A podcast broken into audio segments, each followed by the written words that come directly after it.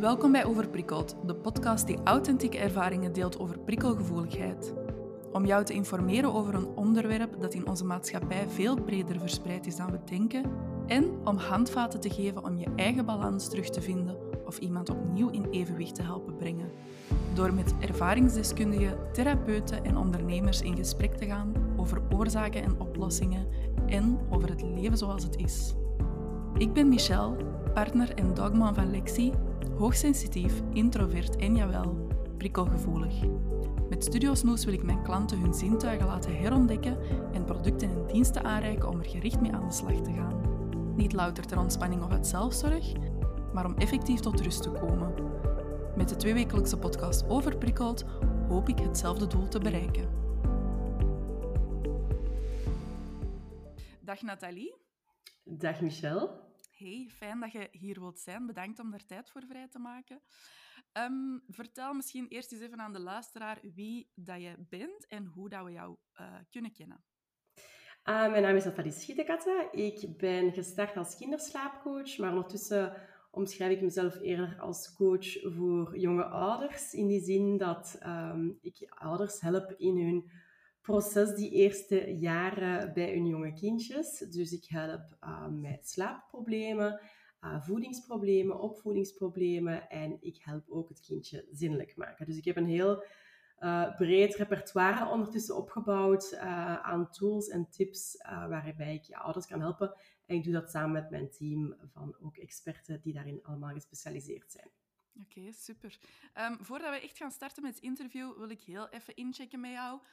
Hoe is jouw dag tot nu toe al verlopen? Mijn dag is tot nu toe goed verlopen. Het is nu tien uur s ochtends, dus er is nog niet zo heel veel dat mis kunnen lopen. De kindjes zijn rustig op school geraakt. Um, Nee, alles oké. Okay. En heeft jou vandaag misschien al iets verwonderd of verrast? Mm, verwonderd? Um, ja, misschien grappig. Gewoon, mijn, mijn jongste dochter stond voor de meter in de badkamer en ik dacht, oh, ga er eens eventjes voor staan. En ik zag dat ze eigenlijk bijna even groot is als haar zusje, uh, toen ze eigenlijk op dat moment een jaar uh, ouder was. Dus hè, ze de jongste is dus een pak groter dan, uh, dan de oudste op die leeftijd. En dat verwonderde mij wel, omdat ja, je denkt dat je eigenlijk hetzelfde genetisch materiaal, bij wijze van twee kindjes krijgt, die ongeveer ook hetzelfde zullen zijn, maar dat is dan weer totaal niet. Um, en dat zijn zaken die ik dagelijks wel merk in haar persoonlijkheid, maar ook ja, in haar fysiek, uh, hoe dat ze er fysiek uitziet. Hè. Ja, ja, dat is heel mooi om daar ook gewoon even bij stil te staan. Heel tof mm -hmm. om te zien, denk ik. Um, nu, je bent ook slaapcoach. Hè? Dat is het, het voornamelijkste thema waar we het vandaag gaan over hebben. Ja. Hoe is dat eigenlijk allemaal gestart? Van waar is, want je bent zo begonnen hè, als slaapcoach. Hoe ja. is dat, ja, van waar komt die passie? Ja, dus um, ja, ruim vier jaar geleden heb ik mijn bedrijf uh, Snuggles and Dreams opgestart. En dat is eigenlijk begonnen um, door de slaapproblemen van mijn oudste dochter op dat moment. Um, toen sliep ze wel beter, maar ik ben zelf eigenlijk iemand die een hoge slaapbehoefte heeft. Um, ik heb altijd echt wel mijn slaapuurtjes nodig om goed te kunnen functioneren. Uh, ook ja, tijdens mijn studententijd ging ik heel, heel, veel op stap en zo, maar sliep ik ook wel echt wel heel veel bij de dag erna, omdat ik ja, dat echt wel nodig heb. En eh, dat was dan ook een beetje een vraagstuk dat ik had van oei, ik ga mama worden, ga ik dat wel overleven die eerste maanden? Um, maar ik had er ook wel vertrouwen in van ja, kijk, als een andere dat kan, dan kan ik dat ook wel. En ja, bleek dat mijn oudste dus effectief wel echt niet zo'n makkelijke slaper was. Ze had ook verborgen reflux, had veel kwaaltjes. En ja, als nieuwbakken mama zit je ook wel wat... Is ook wel wat spannend. Ik wil het ook wel graag goed doen. Ik lees er mij wel wat in. En je, je, leest ook op internet vaak van die tegenstrijdige adviezen. Je probeert van alles en nog wat. Um, en ja, na zes maanden moest ik toch wel tot de conclusie komen dat wij echt wel heel, heel moe waren, mijn man en ik. Um, we waren ook op dat moment al verhuisd naar het buitenland en we hadden daar geen netwerk om op terug te vallen. Dus ja, de zorg kwam volledig uh, op dat moment vooral op mij terecht, want mijn man had toen een nieuwe functie en ik was thuis. Dus ik trok dat ook volledig naar mij toe. Um, ze ging niet naar de crash, dus ze was volledig thuis. En ik vond dat echt wel heel pittig, het moederschap op dat moment. Ik vond dat echt eigenlijk iets wat ik totaal niet kon aanraden. Um, en dat was ook een, een, state of mind waar ik eigenlijk helemaal niet in wou zitten. Want ja, ik zag dat kindje uiteraard wel doodgraag. Uiteraard ziet je kind hè, graag. Maar toch vond ik dat zo van, oh, waar ben ik aan begonnen? Um, en dat was gewoon een, uh, vooral een mentale state of mind waar ik helemaal niet meer wou inzitten. Dus ik dacht, oké, er moet hier iets veranderen. Zo was ondertussen al zes maanden. En ik had echt wel gehoopt van, oké, maar op zes maanden slapen kindjes door. Ik had, dat, ik had dat gehoord, ik had dat gelezen, ik had dat gehoopt. En dat was precies een mentale mijlpaal die ik zoiets had van, tot dan ga ik dat wel kunnen volhouden. En dan was het plots zes maanden. En dat was zo precies mentaal van de ene dag op de andere dat ik dat plots totaal niet meer aankon.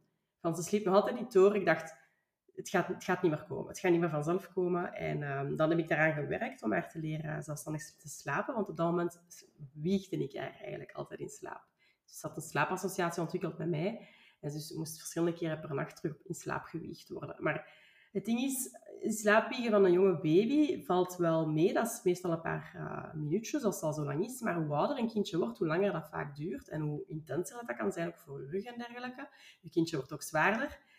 Um, en ja, gewoon enkele weken later, allee, zelfs niet, een paar dagen later, zag ik al meteen het effect van wat dat slaaptraining had gedaan. Op een zachte manier, waarbij ik ook gewoon heel veel steun en, en, en hulp bood aan haar. En plots ja, sliep die dan door. En ik dacht, ja, er ging echt een wereld voor mij open. En ik woonde op dat moment in Canada. En uh, het beroep van kinderslaapcoach bestond daar eigenlijk al lang. Uh, iets wat ik in België eigenlijk toch totaal niet mee vertrouwd was. Dus er, stonden wel boeken over slaap bij baby's. Uh, maar ja, als je al wat slaapgebrek hebt, is dat niet, niet zo evident om een heel boek uh, te verslinden en om te weten waar, welke tips moet ik juist toepassen. En uh, ik zocht op dat moment eigenlijk een, een, job dat ik van thuis kon doen. Ehm, ik was daar eigenlijk, ja, ik moest daar op zich niet werken. Mijn man ging daar carrière uitbouwen en we dachten, oké, ik, ga, ik ga even huismama zijn en uh, ervan profiteren van mijn kindje. Maar na enkele maanden vond ik, ja, dat, dat knaagde echt al. Ik ben iemand ik, ben een, ik, ik, werk graag, ik krijg daar veel voldoening uit. Dus ik had zoiets van, oké, ook voor haar is dat misschien wel fijn om enkele dagen per week naar de crash te gaan, Engels te leren hier. En dan kan ik ook wel zo mijn ding doen. En dus ik zocht een job. En dan uiteindelijk ben ik dus bij kinderslaapcoach terechtgekomen, heb ik daar een opleiding in gevolgd. En um, heb ik mijn business gelanceerd. In het begin was het in het Engels. En al snel ben ik eigenlijk overgeschakeld op volledig Nederlandstalig. En heb ik mijn business echt voornamelijk via Instagram uitgebouwd. Omdat ik op dat moment fysiek ergens anders woonde. Ik woonde in Canada. Dus ik kon geen fysieke consultaties of zo doen. En dat is eigenlijk ook gebleven, want ondertussen woon ik terug in België en mijn business is eigenlijk volledig digitaal gebleven. Dus wij helpen ouders via consultaties die ja, via, via video um, plaatsvinden, of via mail of via telefoon, um, eigenlijk op afstand. Ja. ja, en zijn dat groepstrajecten of is dat ook iets één op één dat ze kunnen volgen? Um, wij bieden cursussen aan, dus waarmee de ouders zelfstandig aan de slag gaan, maar waarvoor, waarbij ze bijvoorbeeld wel in de Facebookgroep terecht kunnen voor um, steun, um, tips en dergelijke. En we bieden ook consultaties aan, waarbij je dus wel één op één contact hebt met een coach en waar je dus ja, echt wel advies kan vragen een, via een losse consultatie of via een traject dat dan meerdere dagen of meerdere weken kan uh, duren. Ja, en wat is uw achtergrond precies? Waart je zoal uh, bezig met dat opvoedkundigen of dat slapen? Of Nee, helemaal zelfs. Uh, ik heb communicatiewetenschappen gestudeerd. Um, dus ik had meer, allee, ik had mijn eigen eerder ingebeeld van ik ga in de marketing werken of, of um, in de communicatie of in de reclamewereld. Ik heb ook stage gedaan in de reclamewereld. En ik heb, um, mijn eerste werkervaring was bij een recruteringskantoor, dus dat was eigenlijk in de sales. Um, toch waar dat ik werkte. Dus ik moest kandidaten matchen aan een job, maar die job moest ik ook wel binnenhalen. Dus ik moest echt veel bedrijven benaderen van hey, zoeken jullie personeel? En dat is een job waar ik uh, zes jaar heb gedaan, dus echt wel meer een, echt een commerciële functie. Maar waar ik, waar ik, ook heb gemerkt dat ik dat ook wel heel graag doe, iets commercieel, iets aan de man brengen, iets, uh, ja, iets uitbouwen. Um, want ja, ik vond het ook gewoon superleuk om bijvoorbeeld, uh, toen op dat moment een kandidaat aan een job te helpen. Dat gaf veel, veel voldoening. Um, en dan ja, dus ben ik in zwangerschapsverlof gegaan. En tijdens mijn zwangerschapsverlof ben ik dus niet meer terug... Alleen na mijn zwangerschapsverlof ben ik niet meer teruggegaan, omdat we toen verhuisd zijn naar Canada. En ik dacht, ja, weet je, ik zal dan misschien nadien terug de draad weer oppikken in de recruteringswereld. Maar ja, dan is dat van slaapcoach op mijn pad gekomen. En eh, ik wist in het begin niet heel goed. Allee, ik had daar niet per se een vijfjarige plan of zo rond. Ik dacht van, we zien wel waar het mij brengt. Ik wou, natuurlijk wel dat dat succesvol zou zijn, omdat dat gewoon iets ja, zo, zo zit ik gewoon in elkaar. Dat dat, uh, ik doe geen half werk. Maar dat het iets zou worden waar ik um, ja, vier jaar later nog steeds mee bezig was. En wat ondertussen al zo groot was geworden, dat had ik wel nooit durven denken. En um, dus ja, heb ik spijt dat ik uiteindelijk geen achtergrond heb bij kleine kindjes? Niet per se, want ik vind dat ik als mama uh, sowieso heel veel ervaring opdoe.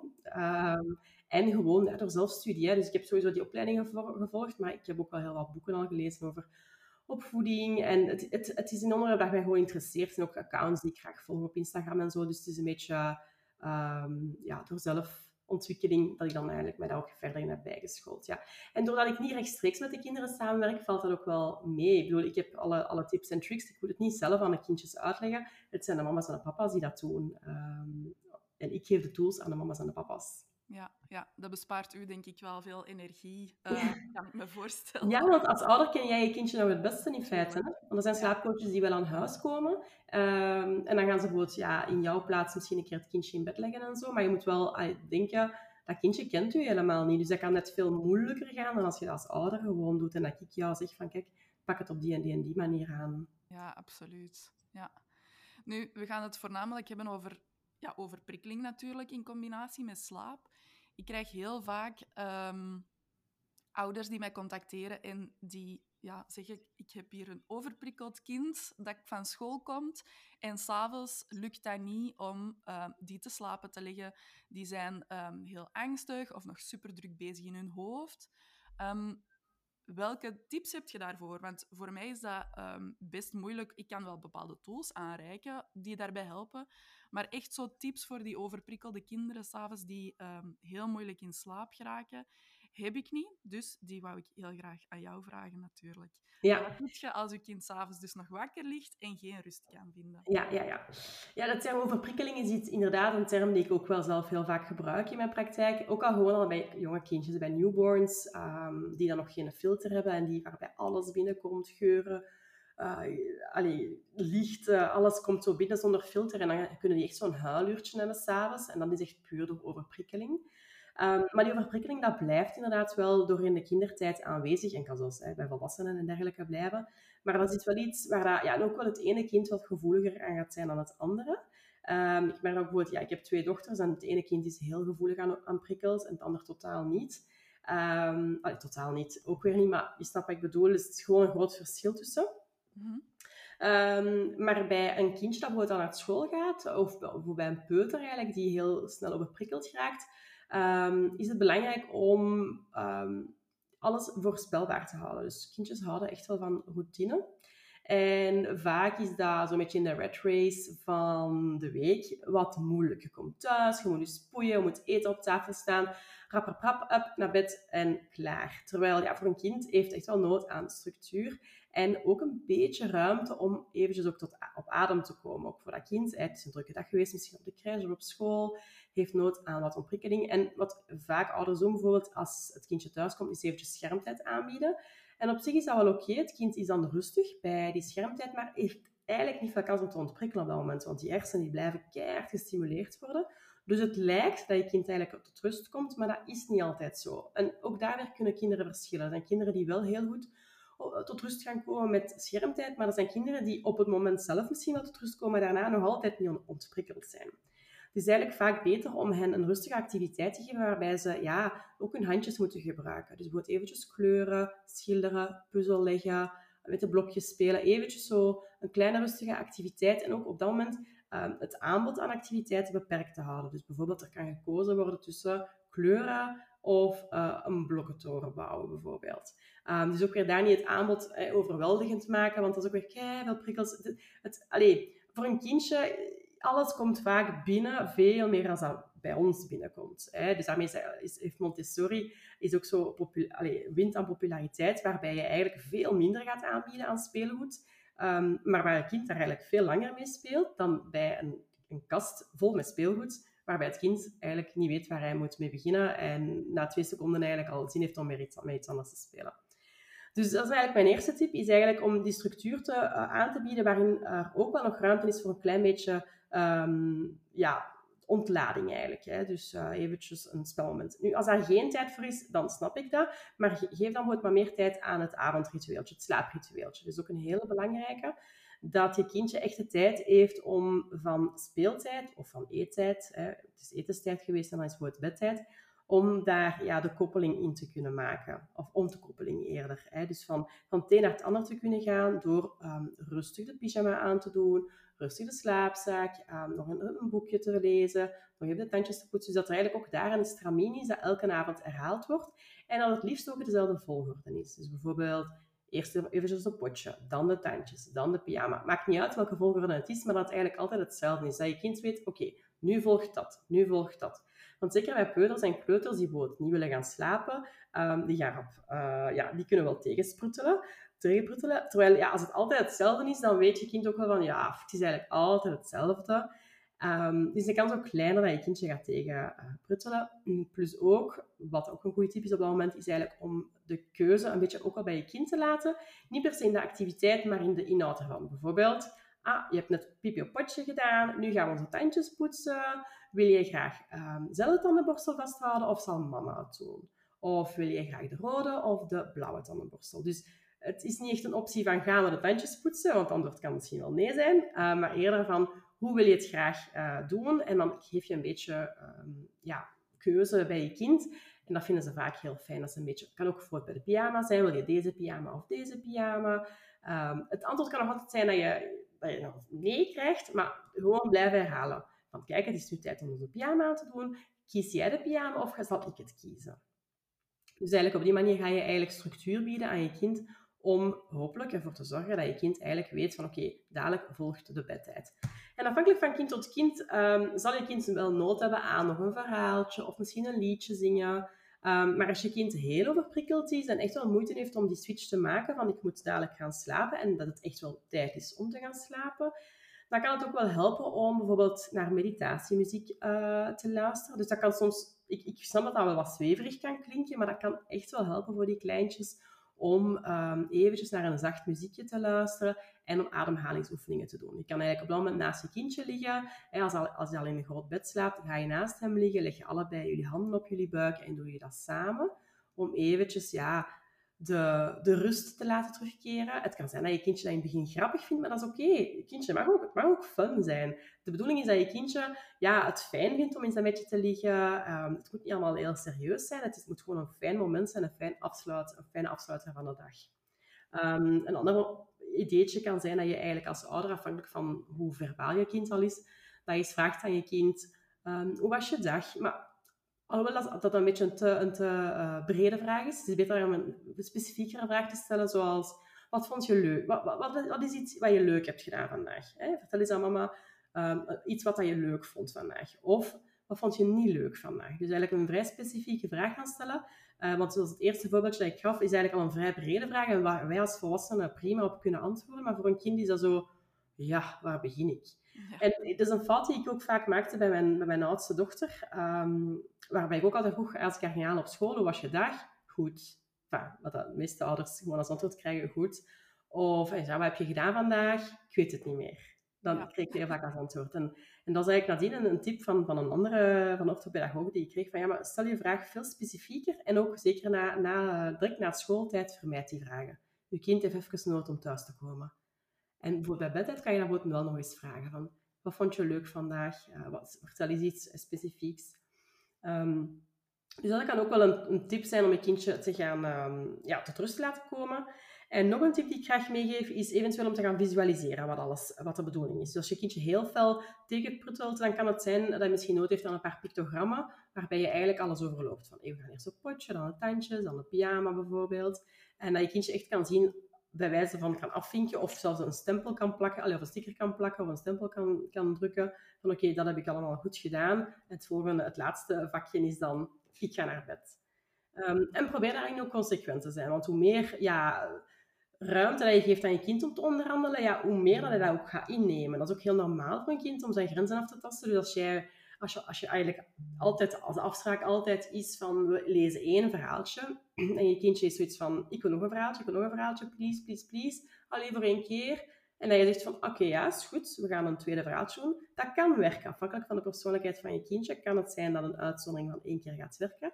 Maar bij veel kindjes hebben die zoiets van oeh, het is gelukt. Ik ga morgen nog, een, nog eentje vragen, nog eentje. En dan voordat je het weet, zit je verder van verwijderd van wat je wil. En dan, ja, als je terug naar dat ene verhaaltje wil, dan ga je veel weerstand krijgen. Want ja, het was toch gelukt de dag ervoor. Dus probeer standvastig te zijn. Maar kijk, we lezen één verhaaltje. Ehm, en dat is bijvoorbeeld altijd zo, maar het kindje wordt wel mag kiezen, het verhaaltje.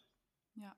Dus uh, dat zijn zo wat tips die ik uh, graag wil meegeven. Ja, heel interessante tips. Dus echt zorgen voor een afgebakend, gestructureerd en traag moment om, de, om die een dag af te bouwen eigenlijk. En om dan rustig te kunnen gaan slapen. Ja, en zie ook dat de um, bedtijd juist valt. In die zin dat, stel, um, zeker in de zomermaanden is het wat moeilijker om je kindje op tijd naar bed te doen, omdat ja, je ziet zelf het uur niet, niet voorbij. Het uur vliegt voorbij. Voordat je het weet is het al half acht, acht uur en het is nog klaar daglicht buiten. Um, en dan kan het zijn dat je kind eigenlijk al op een punt zit waarbij, dan noemt hij het Engels de forbidden sleep zone. Dus dat je kindje eigenlijk, dat je zijn sleep window, dus zijn slaapvenster waarbij idealiter was gaan slapen, dat je daar voorbij bent. En dat je kindje op dat moment eigenlijk al een beetje hyper wordt. En dat je, vaak zeker in de zomermaanden, kan je dan merken dat je kindje echt aan het spelen is en aan het rondrennen en, en, en het, is, het is super plezant. En dan kan je denken van, oeh, maar die is totaal niet moe. Maar eigenlijk zit je dan al in een, op, een, op een moment waarbij je eigenlijk de slaaptijd voorbij bent. En het is veel moeilijker voor een kindje om dan die rust terug te kunnen vinden, omdat hij eigenlijk op dat moment eigenlijk meer cortisol aanmaakt, dat is het uh, wakkerhormoon, om hem alert te houden. En dat kan er zelf voor zorgen dat hij hyperactief wordt.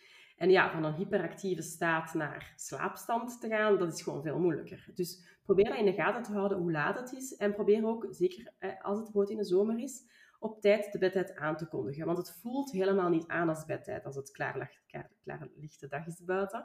Dat is iets waar ouders vaak mee worstelen, omdat ja, het, je kind heeft zoiets van, het is, ik ben naar buiten aan het spelen misschien, het is een mooie zomeravond. Dus probeer dat echt tijdig aan te kondigen. En idealiter um, ga je ook echt zo'n half uurtje voordat het bedtijd is terug naar binnen. En maak je de ruimte al een beetje, dus bijvoorbeeld de living, hè, de, de, de woonkamer, al een beetje zo meer een romantische sfeer creëren. Misschien een keer een gordijn dicht doen, de lichten een beetje dimmen. Um, want ja, je wilt echt je kind gaan voorbereiden tot binnenkort in het slaaptijd, wat dan in een donkere ruimte plaatsvindt. Dat is heel belangrijk voor het, de aanmaak van het slaaphormoon. Maar dus om je kind te helpen in die overgang um, van ja, klaarlichte dag naar plots gaan slapen in een donkere kamer. In de winter spreekt voor zich dat dat veel gemakkelijker gaat. Ja, ja. Want is het dan, is het dan wel oké? Want er gaan sowieso zomeravonden zijn met barbecues dat de avond langer duurt en dat ze niet hun normale bedtijd halen. Maar dan is het dus wel oké om ze later in bed te leggen, maar ze wel op tijd naar binnen te sturen bijvoorbeeld en de gordijnen al eens toe te doen? Of... Mm, nee, dat zou ik eerder als een uitzondering dan zien. Ah. Dat vind ik keer een leuke avond heb met vrienden of familie, die keer op een zaterdagavond, zondagavond, is veel later dan gepland. Um, de bed wordt misschien een uur later of zelfs twee uur later. Hè. Bij een peuter of een kleuter kan dat wel eens voorvallen. En dat is ook wel oké. Okay. Um, ehm, probeer dan wel met de bedtijd zo snel mogelijk te laten plaatsvinden. Het kan wel zijn dat je kindje misschien even een langere knuffel nodig heeft of even moeite heeft met die ontkoppeling. Um, probeer daar ook op aan tegemoet te komen. Maar in principe, als de bedtijd veel later valt, dan gaan die slaapluisjes wel beginnen bijten. En dan gaan die wel zitten van, mm, we willen wel echt graag gaan slapen. Weet wel dat ook al valt het bedtijd plots veel later, tijdens een fijne zomeravond of zo, de kans is groot dat je kindje op hetzelfde uur gaat wakker worden s ochtends. Zijn biologisch klokje is daaraan gewend. En je kan geluk hebben dat hij misschien ja, een half uurtje langer slaapt, maar veel langer zal het niet worden. En dat je kindje dus in, allez, in die end de dag erna wel wat vermoeider kan zijn, omdat hij minder nachtslaap heeft gehad. Dus dat is wel iets om rekening mee te houden. Het kan heel fijn zijn op het moment zelf. Um, maar het kan zijn dat zich een beetje wreekt de dag erna. Maar ik zeg ook altijd, je moet ook wel een beetje van het leven genieten. Ook met kleine kindjes. Dus um, het zijn zorgen voor later.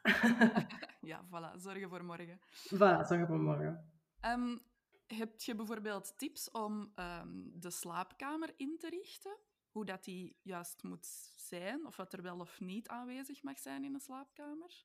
Goh, daar ben ik niet zo streng in. Um, zolang dat de kamer s'nachts maar donker is, dus dat je die goed kan verduisteren. Uh, voor kleutertjes, die vragen soms wel om met een nachtlampje te slapen. Uh, probeer een beetje, dan raad ik meestal aan om eerst een reden te achterhalen. Van is het omdat hij dat je gezien heeft op een filmpje op YouTube? Of is dat echt wel een behoefte die je zelf heel hard voelt? Omdat schrik in het donker is iets wat aangepraat wordt. Dat is iets allez, wat kinderen niet automatisch ontwikkelen. Dat is iets wat ze horen, zien, Um, dus ja, probeer te achterhalen waar, wat de oorzaak is. En misschien kan je die oorzaak weer wegnemen. Omdat we slapen gewoon beter in een donkere ruimte. Wil je kindje toch absoluut een nachtlampje, probeer dan het lichtje te, te, kunnen dimmen. Of dat misschien vanzelf uitvalt na 20 minuten. uh, verder willen we dus graag een hele uh, goede gordijnen. Dus dat die wordt in de zomer, dat dat niet om vijf uur s ochtends al licht is in de kamer van je kindje. En ehm, voor een kamer van een baby bijvoorbeeld raad ik ook aan om zo geen um, mobieltjes over het bed te hangen en dergelijke. Gewoon eenvoudig houden eigenlijk de kamer. Dus niet te veel, niet te veel ruimte geven ook voor al die prikkels. Uh, als je een speelruimte hebt in, de, in, de, in je huis, dan is het beter om daar eigenlijk een speelhoek te maken. Uh, of ruimte in de living, in plaats van op de kamer van je kind. Op de kamer van je kind kan je beter boekjes leggen, echt rustig, rustige activiteiten. In plaats van, weet ik veel, autootjes en dergelijke, die dan echt wel meer het, een, een actiever spel gaan stimuleren. Uh, wat we net voor bedtijd eigenlijk willen vermijden. Want het kan zijn dat je, je kindje plots begint te spelen op het moment dat, je, dat, dat het slaapritueel begint. Omdat ja, plots ziet hij daar weer zijn favoriet autootje, begint daar te spelen. Dus we willen dan eigenlijk een beetje ontmoedigen dat je kind in zijn slaapkamer zoiets heeft van oeh, ik heb hier nog iets interessants gevonden, daar wil ik nog wel graag mee spelen en ik wil vooral niet slapen. Ja. Zijn er verder nog fysieke hulpmiddelen die je kunt aanraden, dus tools om de nachtrust te bevorderen? Um, we hebben het al gehad over een nachtlampje, liever niet dan wel. Um, en een, ja, een verduisteringsgordijn, zodat de kamer goed donker is. Zijn er nog dingen? Um, ik weet dat sommige ouders um, wel vol lof kunnen praten over verzwaringstekens. Ik heb er zelf niet, niet, veel ervaring mee, omdat het wordt ook meestal aangeraden voor iets oudere kindjes. Het kan vanaf drie, vier jaar. En ik ken gewoon niemand die dat eigenlijk al heeft gebruikt, zelf persoonlijk, ja, om echt zo'n keer goed door te vragen. Zelf heb ik wel eens een uh, teken opgestuurd gekregen, omdat mijn oudste, die had op een gegeven moment heel veel last van nachtangsten. Dat zijn zo um, ja, wake-ups eigenlijk rond, die rond tien, elf uur s'avonds plaatsvinden, waarbij het kindje eigenlijk nog op dat moment aan het slapen is, maar heel geagiteerd is en heel erg begint te schreeuwen. Dat zijn nachtangsten. En ik dacht, uh, ja, dat kan misschien wel helpen om een verzwaringsteken, maar heeft eigenlijk op dat moment bij ons niet geholpen.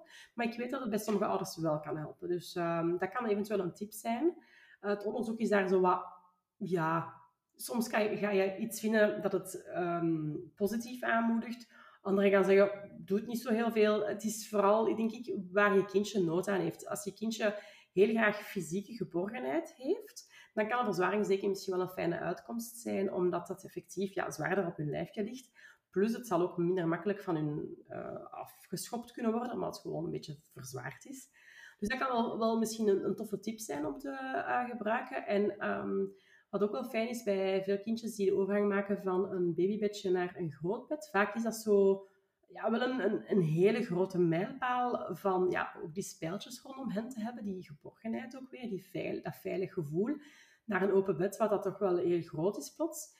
Um, dan kan zo bijvoorbeeld een klamboe of een, een, een, zo'n soort van bedtentje ook wel fijn zijn om zo ja, terug een beetje dat knusse gevoel te gaan nabootsen.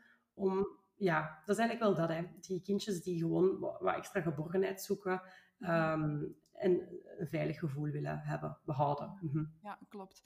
Bij dat verzwaringsdeken is, die, is dat inderdaad heel afhankelijk per kind of ze inderdaad die nood hebben aan dat tactiele. Hè? Of dat ze, als ze sowieso kinderen zijn die heel graag stevig worden geknuffeld of die altijd Um, ja, tijdens het spelen ook dingen op de tast gaan doen, bijvoorbeeld. Sommige kinderen die een hoge pijngrens hebben. Um, dat zijn allemaal tekenen dat ze behoefte hebben aan die tactiele prikkels en ja, dat stevig ingeborgen te zitten. En dan kan het helpen. Maar als dat kinderen zijn die daar totaal geen nood aan hebben, dan gaat dat inderdaad ook heel weinig effect hebben, zo'n verzwaringsdeken. Ja, er is ook zo een, een slaaptunnel, ken je dat? Dat is zo, ja, zo'n dekentje dat je eigenlijk helemaal vastzet rond de matras die ook wel wat dat geborgen gevoel gaat geven. Hè? Ja, die geeft inderdaad ook dat effect. Tijd om een stukje van jouw werk in de kijker te zetten. Vertel eens uh, waarvoor de mensen bij jou terecht kunnen. Ja, zoals ik zei, zijn, ze kunnen bij ons terecht voor slaapvragen. Dus dat kan vanaf de geboorte uh, tot en met de leeftijd van 12 jaar. Um, dus we hebben cursussen tot de, tot leeftijd van 5 jaar. Uh, is je kindje nadien ook nog een moeilijke slaper of is er een terugval door een start met de lagere school en dergelijke, dan bieden we ook daarvoor een traject aan om ouders hierbij te helpen om hun kindje terug die nachtrust te geven die hij nodig heeft. Want zeker voor kindjes inderdaad die heel moeilijk kunnen loskoppelen bij bedtijd, die pas heel laat in slaap vallen, die zijn moe de dag en, en ja, er wordt toch wel van hun verwacht uh, op de schoolbankje. Dus ja, het, dat geeft wel vaak stress in een huishouden om ja, om te weten dat je kindje eigenlijk moeilijk slaapt. En ja, de gevolgen daarvan ook voor ons eigenlijk. Is slaap gewoon cruciaal. Dus slaap ja, blijft sowieso wel mijn, um, mijn pet peeve. Zegt zo gewoon, I love it. En dan verder ja, hebben we gewoon uh, cursussen rond zinnelijkheid. ik denk dat dat bij jullie, allez, bij jou iets minder interessant is om, om aan jouw luisteraars te laten weten. Maar moest er hè, een luisteraar zijn die, die denkt aan zinnelijkheidstraining en zoiets heeft van, hoe moet ik daar eigenlijk aan beginnen? Dan uh, heb ik daar echt al ja, een hele, hele fijne cursus voor, die, waar ik al duizenden ouders mee heb mogen helpen. En het geeft me ook wel heel veel voldoening om, uh, om te weten dat ik daar eigenlijk al veel ouders mee heb kunnen helpen. Want het is zo wel een hele, hele mooie mijlpaal. Zo, ja, toch echt een mooie mijlpaal van, geen, van luiers naar geen luiers overdag, toch alvast overdag. En dan heb ik twee coaches die mij helpen voor um, voedingsvragen en opvoedingsvragen. Dus zelf ben ik geen kinderdiëtiste, maar daarvoor werk ik samen met een kinderdiëtiste die kan helpen met um, ja, moeilijk eetgedrag. Dat is ook iets wat mij nou aan het hart ligt, want mijn oudste dochter is eigenlijk een hele moeilijke eter. Het gaat al beter. Ze is ondertussen ook al uh, zes, dus ja, dat, de tijd vliegt. Maar um, we komen van ver. Op één jaar is zij moeilijke eter geworden. En ook daar weer zo wel wat op Google wat tips te zoeken en zo. Maar eigenlijk vrij laat pas echt wel tot de juiste tools um, gekomen. En ja, dus daarvoor werk ik nu samen met mijn collega Vicky. En dat, geeft mij veel voldoening om ook ouders daarin te kunnen bijstaan. Um, op tijd en stond weer. Dus ook liefst preventief. Dat doe ik met mijn boek ook. Ik heb een boek over uh, slapen geschreven. En dat, daar is ook wel echt de filosofie van... Begin met gezonde slaapgewoontes, dan zal je misschien nooit moeten komen tot een punt waarbij je kindje echt moet gaan slaaptrainen. En uh, dan hebben we ook een uh, opvoedingscoach die ouders helpt bij opvoedingsvragen, maar dat kan een beetje allerhande zijn. Hè. Dus bijvoorbeeld um, als de ouders bijvoorbeeld scheiden, het kindje dat daar echt heel, heel zwaar um, ja, vanaf ziet in feite, een beetje moeilijk zijn draai kan vinden. Ook ouders die niet goed weten hoe dat ze daarmee moeten omgaan. Misschien een nieuwe partner in het gezin, uh, misschien ja, plus kinderen, plus ouders. Um, maar ook kindjes die last hebben, of ik ga niet zeggen last hebben, maar die gewoon een diagnose hebben van ADHD. Waarbij de ouders ook een beetje worstelen met oh, hoe moeten we daar eens mee omgaan? Wat zijn tools die we kunnen aanreiken aan ons kind uh, om de communicatie tussen ons gewoon harmonieus te houden en dergelijke. Dus dat zijn zaken waar mijn uh, collega Eefke dan eigenlijk heel goed bij kan helpen. Zij is orthopedagoog en zij werkt ook in uh, kinderpsychiatrie, dus zij komt eigenlijk met allerhande problemen in aanraking en vind ik ook een hele mooie aanwinst voor mijn team. En dan ook gewoon de slaapcoaches. Hè. Dus ik word uh, bijgestaan door verschillende slaapcoaches die mij helpen om ouders dus te helpen aan meer slaap. Hè, zelf ben ik meer en meer nu betrokken bij ja, de groei van mijn bedrijf. dat gaat dan meer over sales en marketing, website en dergelijke. Dus dagelijks coach ik niet meer, maar um, doe ik echt wel nog mijn cursussen. En uh, organiseer ik webinars en dergelijke om meer in groep te gaan coachen. Omdat ik ja, helaas geen tijd meer heb voor één op één coaching. Ja, ja, heel interessante thema's allemaal. Um, waar kunnen ze daarvoor terecht? Obstacles and Dreams. Alles is gebundeld op onze website. Uh, we hebben op dit moment geen aparte website of zo. Dus eigenlijk, het is een beetje... Ja, Obstacles and Dreams moet je zijn. Het is oorspronkelijk de naam van uiteraard het slaapcoaching gedeelte. Uh, maar ja, het mag eigenlijk wel doorgetrokken worden hè, van dreams. Het is eigenlijk een droom om, uh, om een goede harmonieuze band te hebben met je kind. En uh, uiteraard zijn er ups en downs, dat weet ik als mama ook.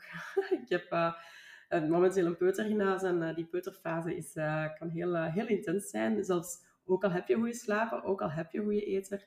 Maar het maakt het toch wel wat um, gemakkelijker, omdat je toch wel wat zorgen kan kwijtschelden van oei, eet mijn kind wel voldoende, oei, mijn kind slaapt niet goed, oei dit of oei dat. Um, dat kan je misschien al kunnen al wegcijferen, zodat je ook gewoon zelfzekerder bent in je rol als ouder. Dat is ook wel iets waar ik heel hard achter sta om ouders echt gewoon te gaan empoweren en zelfzekerder te voelen in hun rol. Mm -hmm. Oké, okay, super. Bij Studio Snoes draait alles om de zintuigen en dus staan we ook even stil bij de jouwe. Heb jij een favoriete zintuig? Uh, dat is ongetwijfeld de smaak. ja, ja, ik, ben, uh, ik, hou, ik hou heel hard van eten. Um, ik vind het ook leuk om op restaurant te gaan. En je gaat bijvoorbeeld nooit ook uh, na een restaurantbezoek of zelfs gewoon thuis een kauwgum zien nemen of zo. Laat mij maar nog lekker die smaak van dat lekkerheid in mijn mond behouden. Dus nee, de smaak vind ik echt fantastisch. Zalig. Ja. Um, en is er een zintuig dat jou makkelijk um, overprikkelt, waar dat je sneller door overstuur geraakt of je frustreert? Overstuur zou ik niet meteen zeggen, maar dat dan wel het gehoor zijn. Hè? Uh, ja, als ik echt een... Um, ik ben... Allee, dat is ook iets wat daar denk ik een beetje aangeleerd is of zo. In die zin dat ik ja, eh, lang in een corporate omgeving heb gewerkt, maar wel uh, in een open space met geroezemoes rondom mij. En nu werk ik al een aantal jaren niet meer met mensen rondom mij. En als ik, als ik nu een, een, een, een dag heb waarbij ik een workshop heb gehad, of allee, de hele dag eigenlijk onder de mensen heb gezeten, dan kan ik heel veel wel overprikkeld zijn s'avonds. Ik ben dat niet meer gewend. Heb ik dat altijd al gehad en, en, en negeerde ik dat gewoon vroeger? Dat weet ik niet. Ik heb er in elk geval nooit zo bij stilgestaan. Het is ook een, het woord overprikkeling in het algemeen is een woord waar ik vroeger nooit bij heb stilgestaan. Dat is gewoon iets wat daar een beetje uh, nu wat vaker aan bod komt. En gewoon ook bij ik als slaapcoach heb geleerd. En waar ik gewoon pas dan bij beginnen stilstaan van, ah ja, dat is echt een ding van, weet too much. Ik, ik beschouw mezelf ook wel als een sociale persoon. Maar eigenlijk niet altijd. Ik kan enorm uh, genieten van een avondje alleen zijn. En dat is grappig, want ik onlangs op een familiefeest zei ik dat ook nog uh, aan tafel. En mijn broer zei, dat is totaal niet waar. Dat, is toch totaal niet waar? Jij, hebt dat toch niet graag om alleen te zijn? Ik zeg, jawel, eigenlijk wel. Misschien is dat zo gegroeid, maar... Um, allee, want hij is... Allee, mijn broer is veel um, meer op zijn privacy, zal ik zeggen, gesteld dan ik. Die kan echt wel genieten van een dagje alleen zijn of gewoon met zijn gezin zijn. En zo liefst zijn weekend niet te vol plannen. Terwijl wij wel graag ons weekend vol plannen, maar ik kan echt wel doorheen de week wel zo... Als mijn, bijvoorbeeld mijn man zegt van... Uh, ik heb vanavond iets gepland met een vriend, en je, ja, dus ik ben niet thuis. Dan kan ik echt denken, oh yes, ik ben alleen thuis vanavond. Dat kan misschien heel stom klinken, maar zo gewoon eventjes rustig in de zetel voor een filmpje, eventjes alleen zijn, nergens aan denken dan, dan mezelf. Kindjes aan het slapen. Dan kan ik enorm van uh, mijn batterijtjes opladen, van gewoon alleen te zijn, ja. En soms dacht ik ook van, dat is dat bizar, maar eigenlijk niet. Ik, ik, weet dat dat ondertussen heel normaal is, dat heel veel mensen dat hebben. Um, dus ja, ik, ik, kan er ook van opknappen om, om gesprekken te hebben met andere mensen. Maar ik kan ook dus echt enorm genieten van alleen te zijn. En dus, ja, dus als antwoord op je vraag, want ik ben wel aan het afwijken. ik kan dus effectief wel overprikkeld geraken door ja, veel, veel mensen, in feite. Door veel mensen rondom mij en bijhorend geluid dus eigenlijk. Hè. Ja. En als je dan overprikkeld bent, kan je misschien eens omschrijven hoe dat, dat voor jou voelt? Um, dat ik eventjes zo... Dat eigenlijk snel iets te veel is. Dus dat wordt gewoon de simpele vraag van mijn man, hoe was het vandaag? Dat ik daar ook heel kort op wil antwoorden. In feite, weet je, zoals ik net zei met mijn dochter. Ik vraag haar, hoe is het? En, het is eigenlijk gewoon hetzelfde. Dat ik ook voel van, even niet. Ik heb nu even geen zin om daar lang en breed uit te leggen hoe dat was. Ik wil gewoon even niets anders aan mijn hoofd hebben eventjes. Um, want vaak als je al thuis komt na zo'n drukke dag, dan is het vaak ja, de avondrush, kinderen in bed stoppen en zo. Dus het stopt dan niet per se. En, um, en dan eventjes, ja, nog altijd even tot rust komen. En liever dat ik dan de dag erna misschien even vertel, vertellen hoe het was. Maar um, ja, dus effectief eventjes wat minder aan mijn hoofd willen hebben. Ja, ja. De omschakeling naar het winteruur komt er ook aan. dat is heel vaak dan beginnen de mensen zo'n beetje in paniek te schieten. Hè? Als die omschakeling eraan komt, um, puur voor uzelf, want ik heb daar zelf ook last van, uh, maar de kinderen hebben daar ook heel vaak last van. Hoe kunnen we ons hier uh, preventief op voorbereiden, op die omschakeling? Ja, dus uh, um, de omschakeling naar het winteruur is eigenlijk dat we een uurtje gaan terugdraaien. Hè. Het is een, een goed um, middeltje om dat te onthouden is dat in de winter is het fall back. Dus uh, herfst, we fall back. En in de uh, lente is het we spring forward. forward. Zo onthoud ik het zelf ook, want ik moet zeggen dat af en toe ook zo'n beetje een kluwen is in mijn hoofd. Van, hoe zat het nu juist weer? Dus dat wil zeggen dat um, jouw kindje, die wordt normaal tot 7 uur slaapt, dat hij plots op de klok om 6 uur gaat wakker worden. En als je kindje wakker wordt, normaal gezien om half 7 of op kwart na 6 of zo, dan is dat plots vijf uur, kwart na vijf, half zes. En dat kan mentaal heel vroeg aanvoelen. Ook al is er eigenlijk verder niks veranderd, want ik bedoel, als het uur niet veranderd, dan was er eigenlijk gewoon niks anders geweest. Mentaal is dat gewoon een grote challenge, ook omdat de dag plots veel langer duurt. Want ja, het school start nog altijd op hetzelfde uur. Dus je hebt plots een veel langere ochtendshift, uh, waarin je kind een beetje gaat moeten bezighouden en dergelijke. Dus het is vaak inderdaad wel, geeft wel wat stress. En ook s'avonds ja, ga je kindje sneller moe zijn, want ja, op de klok is het misschien uh, eh, 18 uur, maar het voelt wel aan als 19 uur. Dus het kindje is wel echt wel veel nood aan zijn bedje. En ja, dat lukt praktisch gewoon niet altijd. Dus het is handig om inderdaad op voorhand al eens na te denken inderdaad over dat winteruur. En dat is iets wat dat wel veel ouders wel doen om daar preventief mee aan de slag te gaan. In die zin dat ze de routine van het kind een beetje proberen op te schuiven op voorhand. Dus om het simpel te houden, een kindje slaapt bijvoorbeeld van 7 tot 7 dat je gaat proberen om zijn routine op te schuiven naar kwart na zeven, half acht. Uh, om eigenlijk alles een beetje op te schuiven, zodat je eigenlijk na het winteruur, dat je al meteen bijvoorbeeld op half zeven zit, s ochtends, uh, dat hij wakker wordt, wat dat eigenlijk half acht oude tijd is, in plaats van zes uur s ochtends, wat dan zeven uur oude tijd is. Nu, dat klinkt natuurlijk heel eenvoudig. Um, is het op papier ook, maar in de praktijk niet. Dus het is niet zo dat je, dat je als je zoiets hebt van, eigenlijk mijn kind wordt elke dag wakker om 7 uur, ik heb eigenlijk gezien dat hij, dat hij later wakker wordt, ik ga gewoon een schema aanpassen, klaar. Dat werkt niet altijd zo, want we hebben een, sterke interne klok die ervoor zorgt dat je eigenlijk s ochtends uit jezelf wakker kan worden. Um, bij kindjes is dat zo, maar ook bij ons is dat zo. Het kan zijn dat je, dat je wel misschien je wekker nodig hebt, maar goed, dat je in het merkt dat je eigenlijk misschien tien minuutjes na dat je normaal zou wakker worden, dat je eigenlijk vanzelf wakker wordt. Dat is eigenlijk je interne klok die daarop afgestemd is. En je, gaat je interne klok niet zomaar kunnen foppen. Ehm, je kan dat wel proberen en, en, dat kan ook wel werken, maar dat werkt niet altijd. Het hangt echt van kindje tot kindje en hoe gevoelig dat die daaraan zijn. Um, maar het, het, loont wel de moeite om het te proberen. Um, je kan misschien al een kwartier of 20 minuutjes winst behaald hebben, in plaats van een half uur, 40 minuten. Maar dat, die winst die je al behaald hebt, is sowieso al positief en iets waar je dan achteraf minder moeite gaat voor moeten doen om terug richting die 7 uur s ochtends te geraken.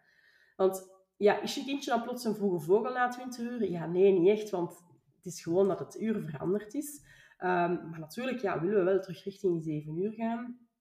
Nu, bij kindjes die wat ouder zijn, kan je met een peuterklokje werken, zo'n peuterwekkertje, dat aangeeft wanneer ze wel of niet kunnen opstaan. En dit kan je ook wel helpen om dat te gaan visualiseren, van kijk, het is nog te vroeg om op te staan. Maar ook daar raad ik aan om dus in stapjes te werken. Dus stel dat je na 20 uur meteen dat klokje op 7 uur s ochtends zet, dan zou dat willen zeggen dat je kindje misschien wel een uur lang in bed zou moeten wachten tot hij mag opstaan. Dat is veel te lang voor een kind. Dat kan, dat, kan geen enkel kind. En dan, dan ga je rap moeten, moeten zeggen van oké, ja, we gaan dan toch opstaan. Terwijl ja, het klokje nog, klokje nog niet goed is. En dan ga je eigenlijk je eigen regeltjes um, doorbreken, zal ik zeggen. Omdat je zoiets van, ja, oké, inderdaad, dat was niet zo'n goed idee. Dat, dat lukt hier niet om tot zeven uur in bed te blijven. Maar ja, als je je eigen regeltjes doorbreekt, dan is de kans groot dat je dat misschien ook gaat beginnen doen. Dus mijn advies is vooral, doe het in stapjes. Ja. En hoe lang op voorhand begint je dan met je zo aan te passen naar die omschakeling? Uh, meestal raad ik aan om twee weken op voorhand te beginnen. Dus je moet daar niet lang op voorhand mee beginnen. Twee weken op voorhand is meestal voldoende. En als het vlot gaat, dan kan het zelfs zijn dat je alles een uur hebt opgeschoven. Um, wat dan niet altijd allee, praktisch lukt, want ja, dat zou misschien willen zeggen dat je kindje toch zo acht uur mag slapen. Dat lukt misschien in de praktijk totaal niet door school en de crash en zo. Maar dat je misschien wel al een half uurtje bent opgeschoven, um, dat het dan die vertering naar het 20 uur gewoon makkelijker maakt. We hebben hier trouwens ook een blog over en ik heb er ook een podcast over, over de overschakeling naar 20 uur. Dus dat kan ook wel fijn zijn om dan nog eens even stap voor stap die tips te um, lezen of te luisteren. Te luisteren. Dus op mijn website kan je dat terugvinden. Ja, zeker en vast. Um, wat ik me nu eigenlijk afvraag is, uh, slaap jij zelf eigenlijk goed? Ja, ik slaap zelf goed. Uh, ik ben een goede slaper. Um, maar ik, ik slaap ook wel met oordopjes in. Uh, dat is iets wat ik, ben, waar ik mee ben gestart tijdens mijn studententijd. En dat ik ook wel niet meer kan afbouwen. Dus ik heb daar geprobeerd om af te bouwen. Alleen niet meer. Ik bedoel, alles kan, maar het, lukte niet echt. En ik dacht, oké, okay, we'll wing it. Dus ik, heb geprobeerd om af te bouwen toen ik zwanger was van mijn oudste. Want ik dacht van, ja, ik moet wel mijn kindje kunnen horen s'nachts natuurlijk. Um, maar ik, ja, dat, die afbouwen, dat ging echt moeilijk. En ik slaapte daardoor dan slecht. En ja, ik moest dan ook wel... Ik nog vol tijd. Dus dat was zoiets van, ja... Tijdelijk slechter slapen, om dan misschien nadien wel terug zonder oordopjes te slapen, fijn. Maar ja, ik dacht, oké, we zullen zien wat het geeft tijdens de als ik mijn baby heb, uh, ik zal dan sowieso al slecht slapen, dan kan ik even goed op dat moment ook gewoon oordopjes uitlaten, dacht ik. Maar uiteindelijk, ja, met oordopjes hoor je nog eigenlijk altijd. Dat, dat filtert gewoon een beetje, dat dempt eerder het geluid. En ik ben eigenlijk blijven doen. Um, en ik vind dat ook wel een, echt fijn. En ik raad dat ook vaak aan, omdat je gaat daarmee dus de geluiden wat gaan dempen. Dus je wordt niet wakker van het minste geluid. En kindjes maken gewoon veel lawaai in hun slaap. Of ze, of ze hoesten een keer, of zeker babytjes, die kunnen wel zo een keer oh, oh, oh zeggen, terwijl dat die totaal niet wakker zijn. Maar ja, jij bent uiteraard, eh, moederinstinct, onmiddellijk paraat, klaar om eh, wakker te schieten en om onmiddellijk naar de kamer van je kind te, te, te, te rushen. Terwijl je kind misschien totaal jouw hulp op dat moment niet nodig had. Dus bij mij helpt dat echt wel om uh, vaster te slapen. En ik word uiteraard wel wakker als mijn kindjes huilen. Dan wordt hij daar echt wel wakker van. En ik ook wel, dat moederinstinct, dat blijft ook aanwezig. Ook al ook al lig je misschien wat verder of heb je oordopjes in, um, je hoort nog altijd wel fellere geluiden, zoals bijvoorbeeld huilen. Dus dat is iets wat ik wel, wel doe. En um, ja, dat ik ook wel, wel aanraad, ook al, ja, als je nu momenteel goed slaapt zonder oordopjes, dan moet je daar zeker niet mee starten, maar dat is wel iets wat ik, wat ik wil doen. Ehm, helpt het om, om, om snurken te, uh, te verdoezelen? Nee, want ja, mijn oordopjes horen nog altijd alles, maar het is gewoon gedumpt. Ehm, maar verder ja, heb ik ook wel mijn, eigen avondritueeltje. Hè. Rustig ontschminken, pyjama aandoen. Dus ook voor jezelf is dat gewoon belangrijk, je avondritueel. En um, ik vind het ook wel gewoon boeiend om over slaap bij volwassenen te, te lezen en te leren. Um, ik ben er zelf totaal geen expert in, maar ik probeer wel de tips wel hier naar toe te passen, zoals niet meer op je telefoon zitten net voor bedtijd, um, zo de, de, kamer al te dimmen, um, in, je, in je bed niks anders doen dan uh, slapen. dus bijvoorbeeld niet op je telefoon zitten, niet een boek lezen en zo. Nu, een boek lezen moet ik zeggen, dat ik daar zelf ook wel tegen zondag. Ik, ik, lees wel graag een keer een boekje in mijn bed en dan ga ik gewoon rustig slapen. Ik denk ook gewoon, kijk wat er voor jou werkt. Uh, dat zijn mensen die, die een tv in hun slaapkamer hebben en die tv kijken tot op het moment dat ze gaan slapen en dat werkt prima voor hun. Maar als je een slaapprobleem hebt, dan, um, dan kan je gewoon eens kijken van oké, wat zou er misschien kunnen bijdragen tot dat slaapprobleem. En als je merkt dat je heel alert bent door je kindjes en dat je met een babyfoon slaapt, dan raad ik aan om die echt af te zetten. Tenzij dat je echt wel te ver in huis van je kind slaapt, bijvoorbeeld een andere verdieping of zo, dat je echt je kindje niet zou horen. Maar in ons geval slapen onze kinderen gewoon bij ons op de gang. En wij horen die sowieso, dus wij hebben geen babyfoon. En dat is wel vaak iets wat ik, wat als tip geef en waar, waar moeders zich vaak een beetje over moeten zetten van... Allee, dat is zo'n grote mijlpaal precies om die babyfoon uit te zetten, maar het draait er gewoon om van... Hoor je je kindje op het moment dat hij jou nodig heeft? Als het antwoord ja is, zet die babyfoon dan af. Um, zodat je niet van de kleinste prullen wakker wordt. En zeker uh, het scherm afzetten, want heel veel ouders zetten dan ook zo dat um, als ze zo'n camera hebben, dat ze dan het, het, beeldmonitor naast hun zetten. Dat geeft dan ook licht. Dat is goed voor je eigen melatonineproductie. En je gaat gewoon snel geneigd zijn om s'nachts een keer je ogen open te doen om te zien hoe ligt mijn kind erbij. Soms krijg ik een, vraag van ouders van uh, ik heb gezien deze nacht, mijn kind uh, was om twee uur s'nachts wakker in zijn bed aan het liggen. Gewoon wakker. En uiteindelijk lag hij wakker tot half drie. Uh, hij heeft niet geweend, wat moet je daartegen doen? dacht ik, ja, je beeldscherm uitzetten. Je kindje had, niet, had niks nodig. Uh, maar ja, maar ja, dat is toch niet goed? Komt dat mijn kind wakker was? Ja, dat, dat, dat weet ik niet waarom mijn kind wakker was. Maar je kindje had duidelijk nergens problemen mee of zo. Misschien heeft hij vandaag hij die dag een beetje te veel geslapen overdag. Hij lag gewoon rustig in zijn bedje. Jij hebt er een half uur slaap door verloren en waarschijnlijk misschien langer, want je kan misschien moeilijker terug in slaap vallen doordat je dacht, oh, wat moet ik nu doen? Um, dan zet die babyfoon gewoon af. Um, het is wel frappant ook, hè, dat slaapritueeltje en de dag afbouwen. We doen dat vaak heel consequent en bewust met onze kinderen, maar uh, als we ouder worden, niet meer met onszelf. Um, dus dat is inderdaad wel iets om mee te nemen. Um, van dat misschien zelf ook eens Ja, want je brein, net zoals bij de kindjes, je brein maakt die associatie van hey, dit gebeurt altijd voordat ik ga slapen. Dat is bij kindjes ook, hè. De slaapzak wordt bijvoorbeeld altijd aangedaan net voor bedtijd. Hop, die associatie wordt gemaakt. En uh, voor onszelf inderdaad um, gaan we heel vaak van activiteit X plots naar slapen. Zonder dat we eigenlijk ja, echt onze tijd nemen om te ontkoppelen of ons, ons brein te laten tot rust komen. Ja, ja. Nog één vraagje om het interview mee af te sluiten. Um, en dat is, ben je gelukkig? Ja, dat is een lieve vraag. um, ja, ik ben gelukkig. Ik, uh, ja, ik ben wel echt gelukkig. Ik kan wel eens van die momenten hebben ik denk, oh, het is echt wel wat veel en zo. Ik heb een, uh, allee, ik, ik, heb hoge prestatiebehoeften in mijn, in, in, mijn werk. Dus ik voel wel wat druk. Een druk die ik alleen maar mezelf opleg. Want ja, ik ben mijn eigen baas. Dus ik bepaal eigenlijk zelf het tempo waarop we groeien, waarop we, we werken. Um, maar ja, ik denk ook, je kunt je eigen ook niet, niet per se veranderen. Het is wel iets waar ik wel aan gewerkt heb en ik kan al beter verlof nemen en zo. Dus dat zijn zo kleine details die wel heel belangrijk zijn natuurlijk. Mhm.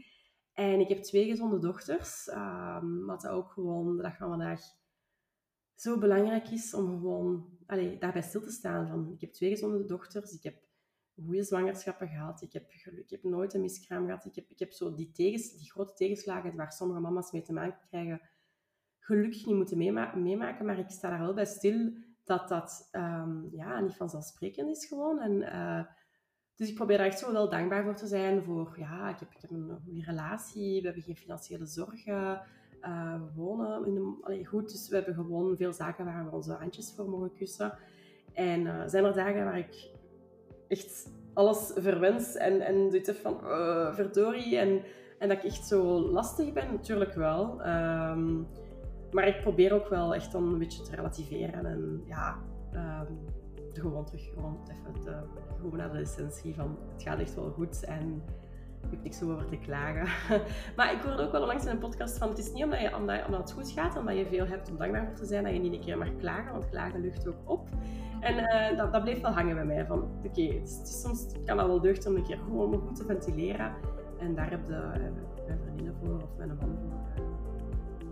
Dus voilà. ja, inderdaad. Ventileren en relativeren, dat is... Uh... Ja, effectief, ja. Bedankt voor het interview, Nathalie. Heel graag gedaan, Michel. Dat is leuk. Dat is leuk.